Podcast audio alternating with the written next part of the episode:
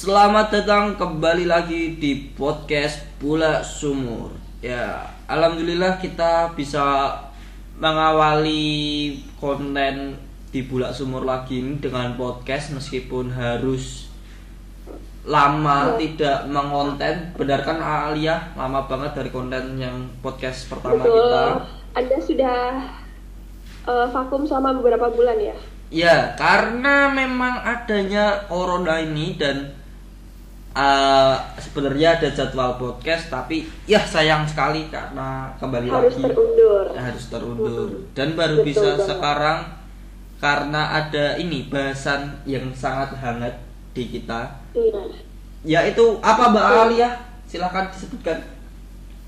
Isunya adalah tentang keringanan UKT yang tidak kunjung diringankan oleh kampus. Oh iya. dan ini juga berdasarkan eh, kualitas ekonomi dari mahasiswa kelas menengah Mahasiswa mahasiswa middle class. middle class Ah, yes, middle class. dan ini juga ini Mbak Alia kita sudah menerima beberapa keresahan-keresahan di DM kita itu tuh ada. Mbak Aish bisa disebutkan Mbak Aish itu Oke, keluarnya kita apa? bacakan keresahan dari Mbak Ais. Oh, Mbak Ais mengeluhkan ini harga tiket dan harga rapid test yang sama. Eh, gimana Bekasi itu? Jogja jauh banget. Jadi, Ini katanya Bekasi Jogja jauh banget. Harga rapid sama dengan harga tiket. Akhirnya nggak jadi ke Jogja, set. Hmm, sekali mbak. Tapi memang ini ya, kalau dilihat ya harganya rapid test itu mahal kan? Uh, uh, sekitar 300 ribu Hmm. kemarin. Sebelum Tapi sekarang sepertinya sudah diturunkan ya mas. Oh iya, he- he. karena ini kan si presiden kita menyuruh untuk menetapkan harga sama rata berapa itu 150 kan? 150 ribu. Hmm, iya sih. Tapi menurutku itu sangat perlu sih karena memang kadang tuh orang-orang juga apa namanya terlalu mahal lah untuk rapid test segala macam dan lain-lainnya. Itu tuh. Tapi kemarin Gimana? ini sepertinya masih ada yang belum diturunkan. Uh, itu di daerah mana itu yang belum turun-turun itu? Di Pulau Sumatera masih ada yang belum turun masih dengan harga sekitar 300 sampai 400 ribu. Atau Oh. apakah penyamarataan ini hanya untuk Pulau Jawa saja? Oh ya, itu kan kita tidak tahu bagaimana eh, pemerintah melakukannya kan. Tapi kan setahu saya kan kita memang Java sentris jadi ya. Nah, kita juga nggak tahu. Kita nggak boleh suzon, tetap positif tinggi. Oh, iya. Mungkin mungkin mungkin untuk Pulau Sumatera eh, alatnya susah kan kita nggak tahu. Oh iya, jauh, Eh, jauh dan lain-lain. Di- eh, ya itulah mungkin bisa menjadi faktor di mana harga rapid test masih mahal. Itu di mana sih emang kalau rapid test yang di Sumatera itu? Semua Sumatera atau ada daerah tertentu? Teman saya di Riau. Kepulauan Riau atau Riau? Ah, Iya, Kepulauan Riau masih sekitar 375 sampai 400 ribu. Hmm, ya ya cukup cukup cukup mahal. Mm-mm. Kasihan sih Belum lagi harga tiket pesawat ya kan, Oh iya. Udah. kalau nggak berkali-kali lipat. Hmm. Aku sempat lihat tiket pesawat tuh sampai 2 jutaan ya. Apa juta lima ratus ya? Pokoknya mahal banget tiket pesawat tuh. Heeh. tiket pesawat naik sekitar 2 sampai 3 kali lipat kalau nggak salah. Wah. oh ya, Hanya mahal banget. Tekor memang kalau dirasa-rasain.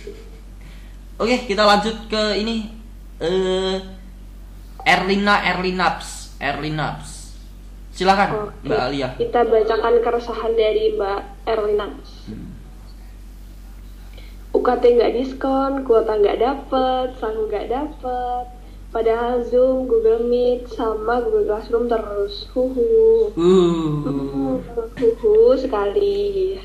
Ya cukup cukup prihatin sih untuk mbak si Erlina Uh-uh. ini karena memang Jatuh. gimana ya dia juga berkata di sini dia tuh membayar UKT semester ini tuh 3.500 ditambah uang gedung 1.400 sedangkan dia mendapat potongan semester ini cuman 100.000 ribu Seratus ribu.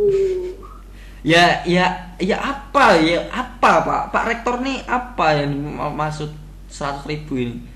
Ya gak ngaruh pak. Ini bukan potongan ini apa ya? Ah, ah, ini namanya angpau. Angpau. ini bukan bukan bukan diskon ini bukan apa ya bukan potongan pak. Tapi tidak apa-apa kita tidak tahu apa-apa yang dipikirkan kita juga tidak tahu dari mbak Erlinaps terus Untuk beli kuota satu semester saja tidak cukup seratus ribu itu. eh ya makanya ap, yang dimasukkan ini tuh sebenarnya ya sebenarnya ya. Mungkin kuota itu cukup 100.000 ribu. Tapi tidak satu semester juga. ya salah. Bisa satu semester. Asalkan ya kalian jangan main Twitter. Jangan buka YouTube.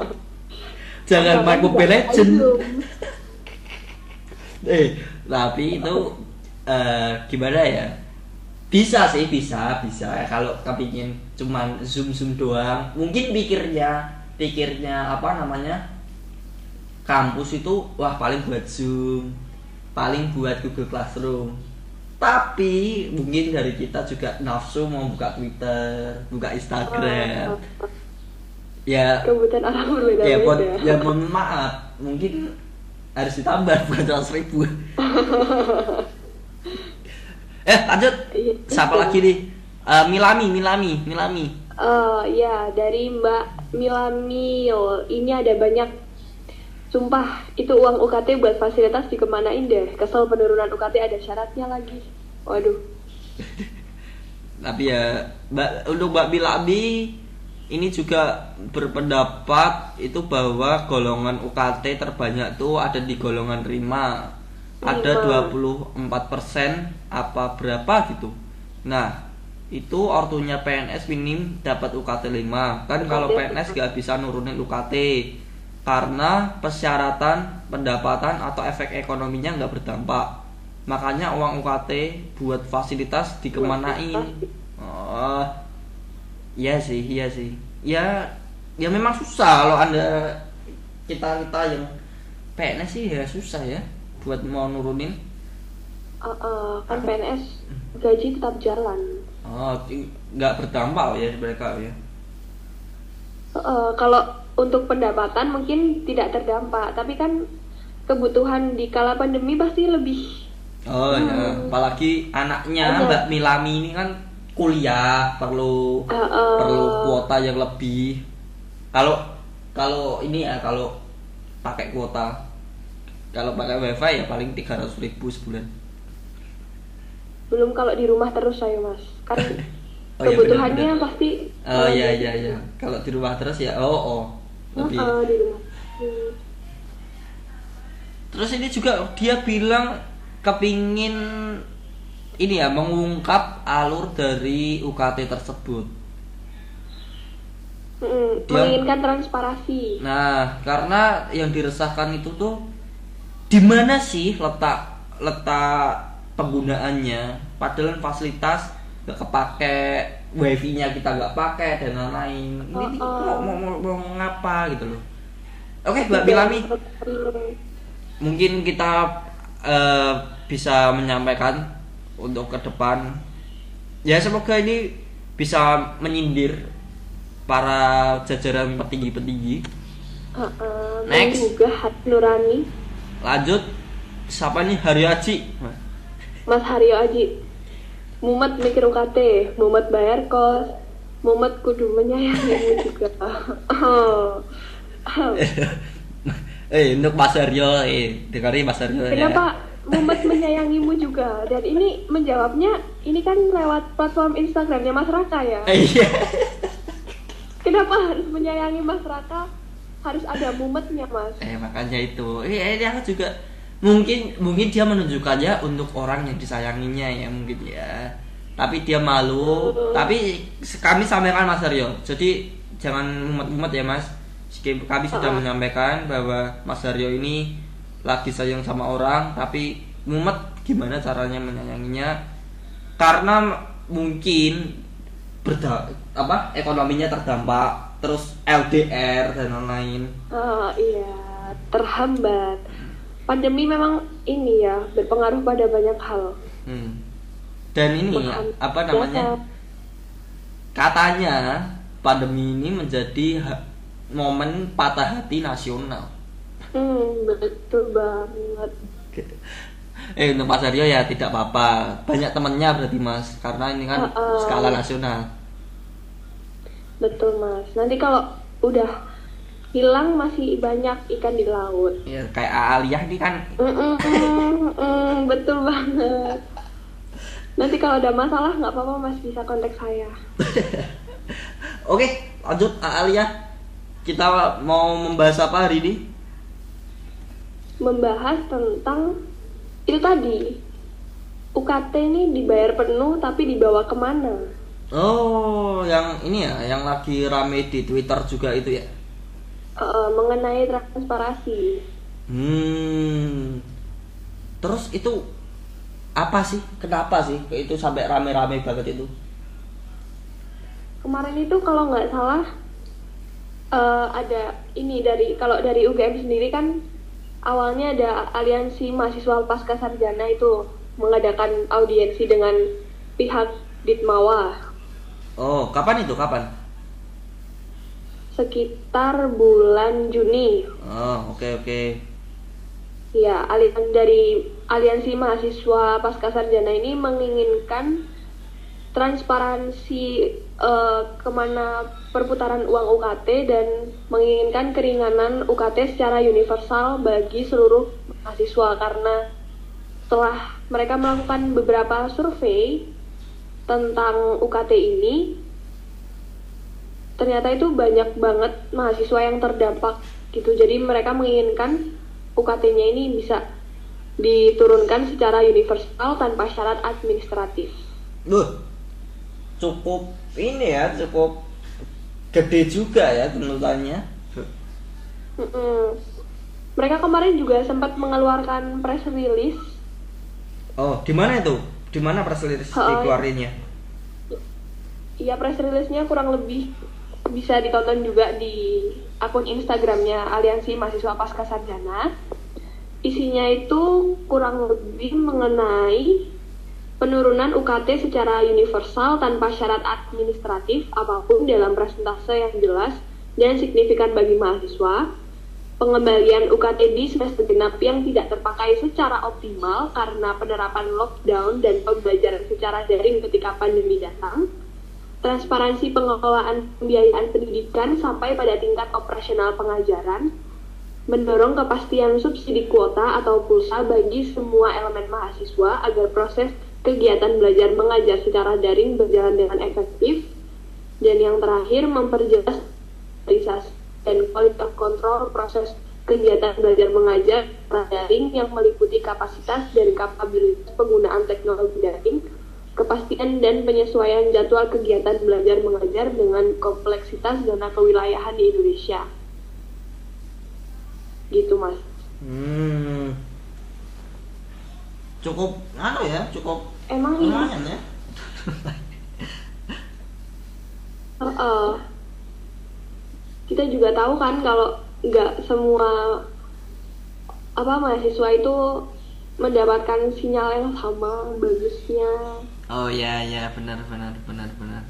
Apalagi kan kompleksitas Hmm. zona kewilayahan Hmm. Berarti tadi ada berapa tuntutan? Empat tuntutan ya?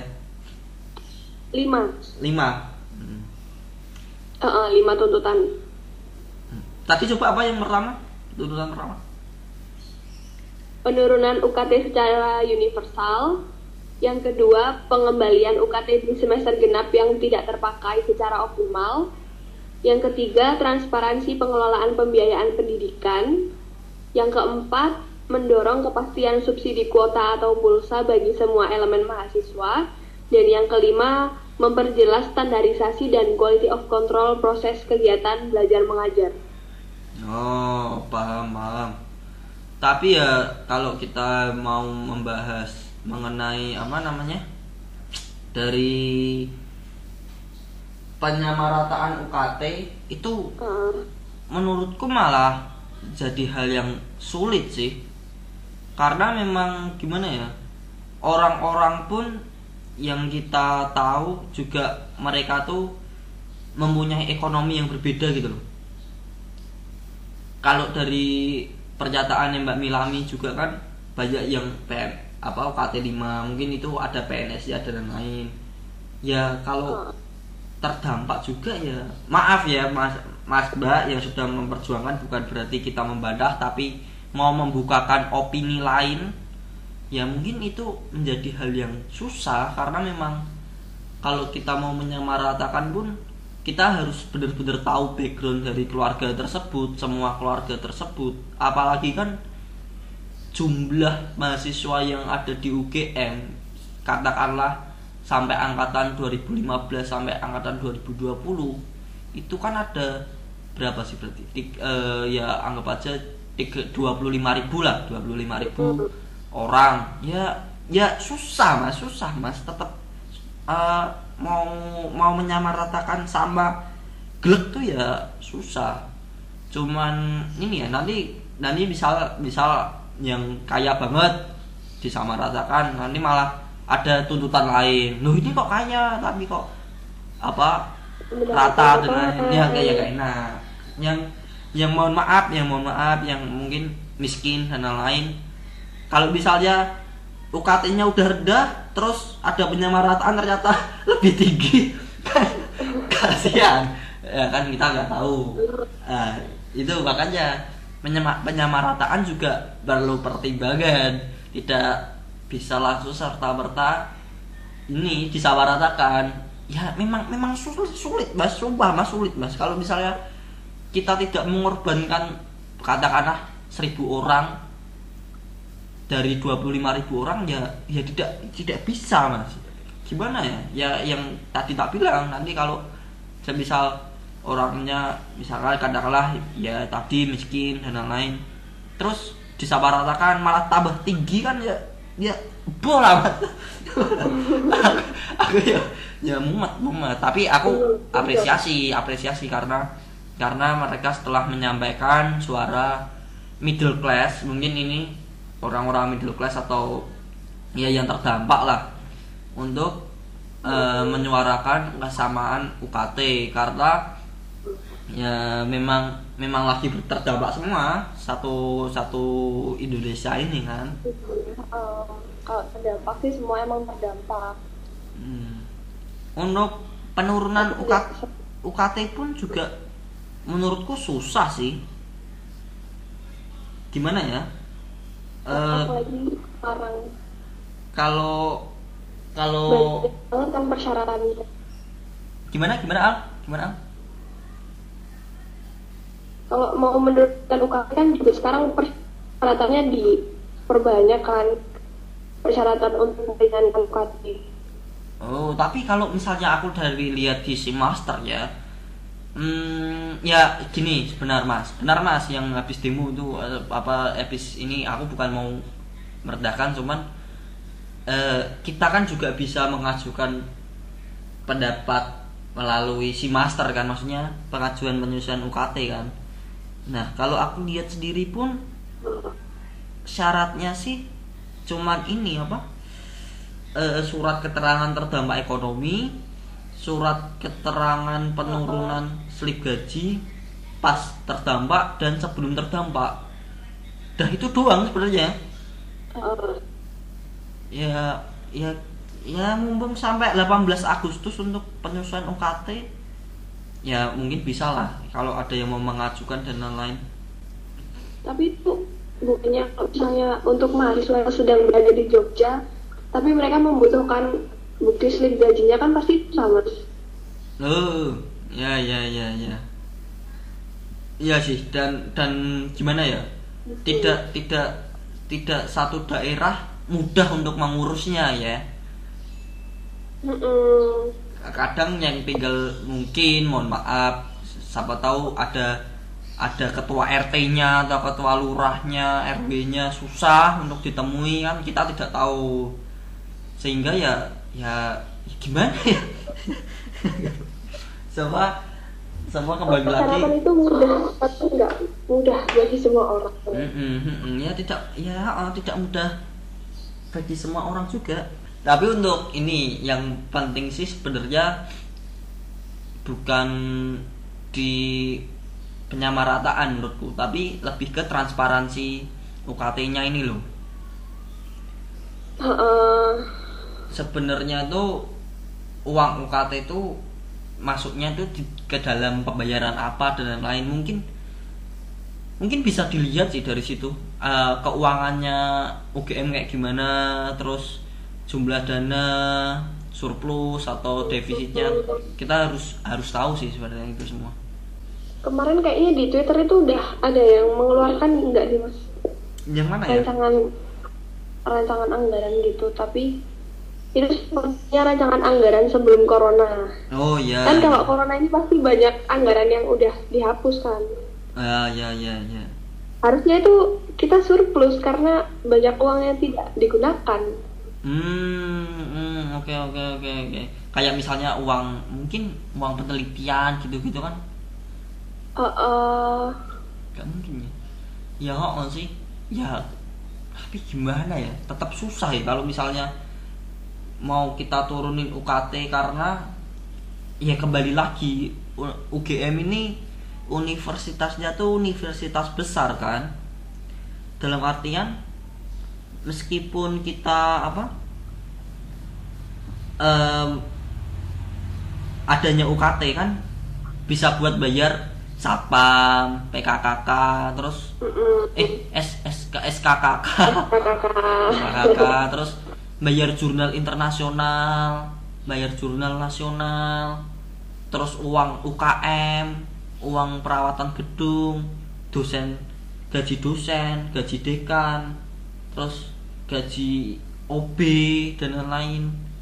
Ya ini juga perlu dipertimbangkan, tidak tidak langsung serta merta kita harus menyamakan UKT ya ya mereka susah gitu tuh kalau wah gimana ya ngomongnya? Ya ya tetap susah mak. Ini untuk diturunkan UKT -nya. Emang ya gitu. Jadi jadi kita di sini juga eh, beropini juga bahwa ya baik untuk untuk menyuarakan itu baik. Cuman ada beberapa pertimbangan dulu mas. Mungkin kalau Ditmawa nggak jawab mungkin ini jawabannya gitu. Kan kita tidak tahu kita boleh eh, beropini kalau semisalnya ada pembagian pulsa yang tidak merata sampai orang nggak dapat itu kan ada tuh al yang nggak dapat al. Ada ada ada sepertinya. hmm. yang nggak dapat itu ya gimana ya mas? Mbak misalnya uang eh, orang 25.000 ribu 25.000 ribu orang. Ada bantuan pulsa ada yang nggak dapat ya itu juga suatu pertimbangan karena memang mahasiswa banyak belum tentu orang itu dalam satu bank yang sama gitu loh. Jadi kan susah gitu loh. Heeh. maksudnya kan ada yang BNI, BCA, BRI, BPD dan lain-lain kan. Bank banyak banget kan itu dan fakultasnya beda-beda. Jadi ya ya tetap but- membutuhkan tim lagi dari UGM dan tim tersebut juga pasti kewalahan lagian ya. Ya tapi semoga aja cepat lah, lebih cepat lah kita dapat subsidi pulsanya kan.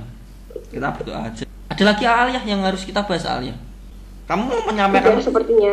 mau menyampaikan sesuatu Aliyah? Eh, saya berharap Ya, agar berharap. transparansi UKT ini segera dikeluarkan oleh UGM. Karena emang kalau dilihat dari apa sih ini namanya rancangan anggaran itu sepertinya kita memang surplus karena beberapa pengeluaran kan nggak kita keluarkan selama corona ini kan.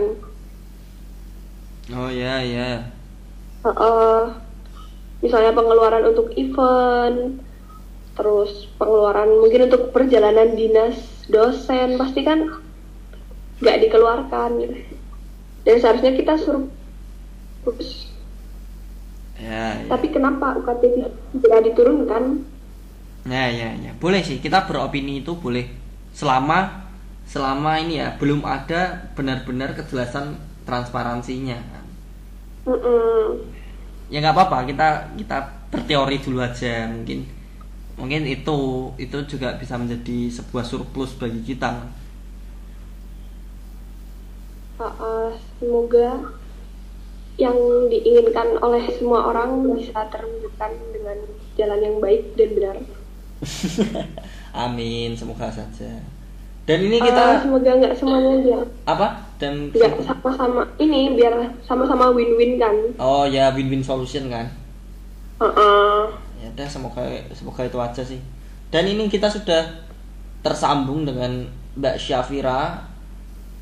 Kita akan kembali lagi dengan Mbak Syafira tetap di Bull Podcast.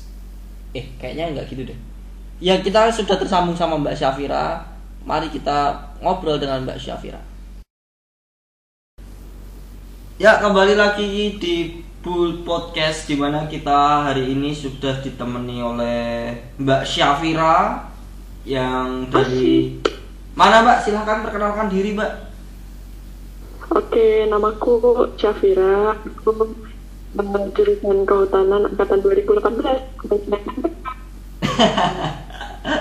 Oke dari kehutanan ini Mbak Syafira ini eh, sudah mendm kami tim Bulak Sumur katanya ingin menyampaikan sebuah keresahan mengenai ekonomi mahasiswa middle class dan Iya. mungkin gimana Mbak? Apa yang menjadi resah tuh apa gitu Mbak? Eh, jadi gini ya, dari perspektif aku, eh, salah satu middle class di BM, wah selama kayak gini, selama corona, kita kan harus ini ya kuliah di rumah kan semuanya, mulai hitung mulai bulan Maret, ya kan, Ya, akhir oh, Maret ini. betul betul. Kira-kira kalau sampai sekarang udah berapa bulan tuh? Empat bulan ya, lebih ya mas? Ah, empat bulan, empat bulan. empat bulan dan selama itu selama empat bulan tuh kita eh pakai fasilitas pribadi gitu loh maksudnya dari mulai di apa namanya handphone terus laptop terus kemudian eh, biaya pulsa lah dan lain-lain sebagainya tuh kita pakai pakai fasilitas pribadi ya adapun kemarin bantuan dari kampus itu kalau nggak salah 150.000 ribu. Bener kan ya? Ya 150 ribu untuk kehutanan. untuk kehutanan kan ya. Berarti kan setiap fakultas beda-beda gitu loh. Terus kebutuhan fakultas kan juga beda. Maksudnya kayak kalau misalnya ambil contoh misal kemarin denger-denger uh, teman aku yang dari Visipol itu dapat 300 kalau nggak salah. Ya Loh, banyak banget. Kok beda ya? ya pokoknya lebih banyak gitu. Ah. tapi kita kebetulan yang masih ada praktikumnya ya praktikum masih jalan ada lebih dari satu praktikum dan itu ambil di luar jam kuliah gitu. Mulai dari eh kira jam 3 sore sampai hampir maghrib kayak gitu.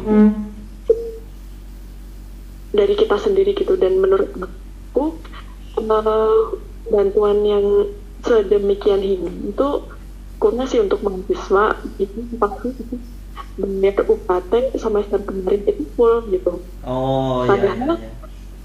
ya padahal kita kan memakan fasilitas kampus itu cuman sampai bulan Maret kan ya dan kita mulai kuliah itu sekitar Februari Iya. oh. kurang lebih dua bulan lah pakai Hmm. fasilitas kampus dan UKT eh, sebesar satu semester gitu dan dan seperti itu. Hal ini bu- membuat ya? Maksudnya kita berkata pada uh, teman-teman kita yang sekiranya mungkin agak lebih membutuhkan gitu dan struggle harus pinjam ya, punya laptop gitu. ini dulu kuliah buat ngerjain kuliah terus habis itu belum lagi di kota. Terus kalau misalnya di daerah di daerah hmm, eh, tempat yang sekiranya under X yang telah diterapkan mas ya. Kayak misal Umsan paling kuat adalah itu. Sedangkan X aja lah ya. Misalkan X sedangkan X itu yang lebih tenang gitu kalau misal dengan 150 ribu untuk di sekolah mahasiswa. Yang ada mahasiswa yang private ada mahasiswa pakai provider. A, B, C, D dan kan kebutuhannya beda betul. Ya itu oh. ad- sih menurut aku kayak gitu. Terus perihal UKT menurut aku sangat tidak adil gitu loh. Di pandangan aku ya nggak tahu teman-teman kayak gimana tapi menurut pandangan aku itu sangat adil karena selain terlalu kita bulan fasilitas kampus dan kita membayar penuh selama semester kita membayar dan ataupun kemarin dari surat edaran yang di, di grup kan kita diberi apa namanya kayak eh, kesempatan untuk mengajukan banding. Dan itu pun banyak yang ya, maksudnya itu kan terdampak covid kan ini menurut aku yang terdampak covid itu semua belum oh ya. oh, oh. benar benar. ini itu untuk penyembuhan sama online dan sebagainya. Dan tujuan banding UKT itu belum kami menurut aku ya belum untuk sebenarnya diterima enggak sih ya kan ya kalau misal Mm-mm. hmm, bayangkan misal lima pernah lima belas ribu mahasiswa mengajukan banding kan nggak mungkin semua diterima gitu. Padahal semua terdampak gitu loh. Dari 15 orang ibu yang eh, mengajukan tadi semuanya terdampak. Nggak semua yang dapat bahkan mungkin bisa salah sasaran dan sebagainya kayak itu jadi menurut aku dan aku pribadi itu akan lebih bagus bila uh, dilakukan pemotongan UKT secara merata gitu. Mending kita semua yang terdampak gitu. Oh ya ya Dijawab. ya. Seperti itu gitu. Ada ada lain mbak? Mbak, dari ini dari UKT ada keresahan lain nggak? Ya memang kalau aku memandang sih kita tidak kuliah maksudnya di rumah provider yang berbeda-beda kebutuhan kuota harganya juga beda-beda. Menurutku juga perlu sih adanya ini apa namanya cashback lah ya, kata-katanya mungkin. Ya Hmm. ada sih yang lain dari aku pribadi nih kan. Eh menurut aku ini nih selama kuliah dulu itu menurut aku tuntutan tugas itu menjadi bahkan berkali-kali lipatnya gitu. Kalian yang bisa kayak gitu nggak sih? Gimana? Tugas apa? Tugas? Menurut aku selama kuliah ini tuntutan tugas jadi mungkin lebih berat gitu loh. Dan itu Oh, ya ya ya ya. Heeh, heeh, heeh. kan ya gitu kan. Maksudnya karena menurut aku gini sih karena selama kuliah kemarin mungkin ada beberapa dosen yang itu bahkan tidak tidak memberikan kuliah tidak memberikan tatap muka sama sekali. Jadi hmm, kayak ya pertemuan tiap harus apa harus ada jadwal kuliah itu sih mungkin jadi terus terusan gitu loh. Itu sangat tidak ini sih sangat it sih. Karena kita selain harus memahami ilmu dengan sendirinya dan dan nanti ujian itu tetap mikir sendiri gitu. Oh iya Nggak iya iya. Itu poin dari matkul tersebut. Nggak sepenuhnya dapat gitu? Orang kuliah biasa aja kuliah offline muka langsung biasa aja belum tentu kita bisa menyerap 100% dari yang disampaikan dosen. Apalagi kalau kita hanya diberi PDF aja PDF dari sebuah buku kemudian kita dikasih tugas dari itu gitu. Tapi kita nggak dapat ini dari eh, apa, kuliah mata kuliah tersebut gitu. Senang apa ya eh misalkan dari pihak kita sebagai mahasiswa sih selama selama kuliah di kuliah online tersebut gitu. Dan eh, yang paling penting adalah ketika kita meyakinkan kemudian tugas hmm, banyak di antara tugas tersebut yang uh, bahkan tidak memperhitungkan itu gitu loh. Maksudnya kayak kita mengerjakan tugas A kemudian ada tugas lagi B C D yang kira-kira mungkin dipikirnya uh, selama kuliah online tuh kita oh di rumah oh santai kayak gitu. Padahal aslinya enggak sama sekali gitu. Bahkan sangat sangat amat sedikit waktu buat istirahat. Oh, dari iya, aku iya. Nggak tahu teman-teman yang lain ya. Mungkin karena memang uh, apa setiap orang meng, apa ya ya menanggapi sebuah kejadian kan berbeda gitu. Kalau dari kampus sendiri seperti itu gitu. Ya karena ini mungkin ya eh, dosen merasa dia itu belum bertatap muka dan kurang efisien. Jadi mungkin dari pikirannya dosen lebih baik diberi tugas. Ya mungkin ya mungkin. Jadi bebannya mungkin. juga lebih berat. Iya benar benar benar ada lagi Syaf yang mau disampaikan?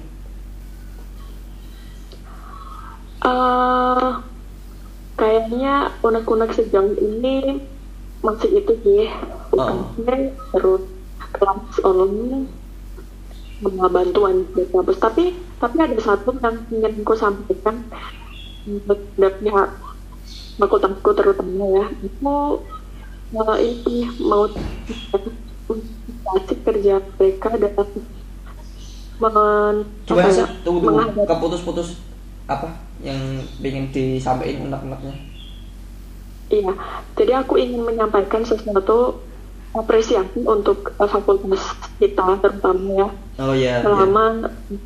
penanganan covid kemarin. Jadi tuh aku dengar dan aku emang lihat sih dari teman-teman yang masih stay di Jogja itu banyak dari mereka yang penting mendapatkan bantuan dari fakultas oh iya iya iya.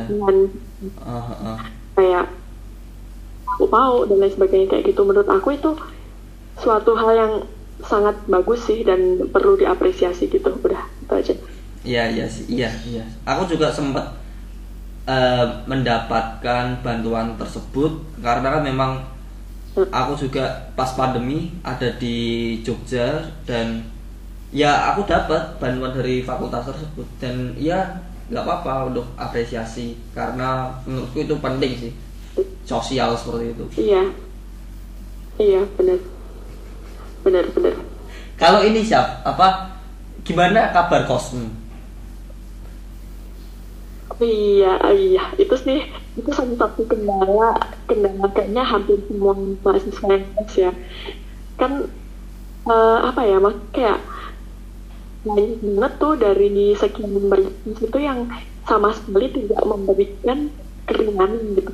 Maksudnya oh, kita pun uh, guna fasilitas dari kosan terus kayak listrik, wifi, dan sebagainya kan kita sama sekali tidak memakai. Ya. Yeah, uh ada beberapa kos tuh yang membayar gitu dan itu pun per bulan tetap masih ditambah gitu tapi ini ya maksudnya di pemilik kos di antara yang lain beda-beda ya ini sih tanggung jawab untuk membayar ini dan mengulangi gitu kan tapi kalau kamu dari kamu sendiri apakah pas kamu udah ke Blitar uh, kamu masih tetap bayar kos masih masih masih penuh. Dan rencananya aku harusnya kos aku tuh selesai sekitar bulan uh, Mei uh, Mei atau Juni aku lupa. Uh, aku balik bulan Agustus. Jadi selama masa habis itu aku tetap disuruh bayar pun gitu. Itu ada banget karena yang tinggal di situ cuma dapat gitu kan oh oke okay, oke okay, oke. Okay. ya mungkin mungkin mungkin. Ya. kita berkaca ini ya, ya dari apa? Dari kos kosan mungkin UGM iya. nggak mau turun. Mungkin kayak gitu juga. Nah bisa jadi. Dan parahnya adalah aku nggak sama sekali nggak ada bayangan bahwa bakal pulang selama ini gitu loh. Jadi tuh sama sekali tidak ada persiapan gitu kan. Aku pikir mungkin paling lama dua bulan lah ya ternyata Iya. sampai amat jauh gitu. Jadi ya, ya mau gimana Ahmed ini memang berdampak bagi semua orang bukan cuma aku kamu dan kita tapi semua orang gitu. Jadi mau tidak mau ya harus diterima saja gitu iya kan. Iya bener sih bener. Ya harus mau gimana lagi kan? Memang ini skalanya global kan? Bukan cuman daerah seuprit sekecamatan kan? Enggak. Iya bener. Ini Syaf mungkin eh, ada harapan harapan harapan terakhir? Oh iya, terakhir harapan buat kampus UGM yang kapan kerakyatan ya. eh ya siap. Di sini aku sebagai salah satu mahasiswa dari UGM sangat berharap kepada kamu. Eh, lebih memperhatikan keadaan dan seluruh lapisan mahasiswa dari kampus baik dari bawah, tengah maupun atas. Perlu diperhatikan lagi dan dipertimbangkan lagi keputusannya karena keadaan ini menerpa kita semua. Kalau merasa rugi ya kita semua juga rugi. Kalau merasa ini berkah ya ya kita semua juga merasa. Tapi melihat dari sisi perekonomian maupun pendidikan dan lain sebagainya em, tolong dan saya mohon kampus memberikan eh, lebih banyak keringanan lagi buat kita semua agar semua yang berjalan di kampus itu dapat dinamis gitu langsung semua dapat berjalan dengan baik gitu. Tidak ada persengketaan antara mahasiswa dengan pihak rektorat seperti itu. Kita kan maunya semua saling guyup rukun lah kata orang Jawa kayak gitu kan ya. Begitu. Oke, ma- makasih Syaf setelah ini ya mengisi eh, podcast kali ini dengan curhatan akan keresahanmu. Ya semoga saja didengarkan oleh pihak yang bersangkutan Ah, dan semoga bukan hanya didengarkan tapi ditindaklanjuti. siap siap Ya. amin Amin, amin. Ya sudah, terima kasih Mbak Syafira atas waktunya. Kami benar-benar merasa sangat terhormat bisa mengobrol dengan Anda. Oke. terima kasih kembali Setelah perbincangan tadi dapat kita simpulkan. Kita kembalikan pada hukum sebab akibat. Kita bayar, kita pakai. Dalam hubungan percintaan saja, kalau putus masih bisa kita pertanyakan ke mana cinta yang sudah dibawa bersama. Lah kalau UKT normal tapi kita tidak mendapatkan fasilitasnya, dibawa ke mana UKT kita? Sekian podcast Bulak Sumur hari ini. Sampai jumpa di podcast episode berikutnya dan sampai jumpa. Dadah, terima kasih.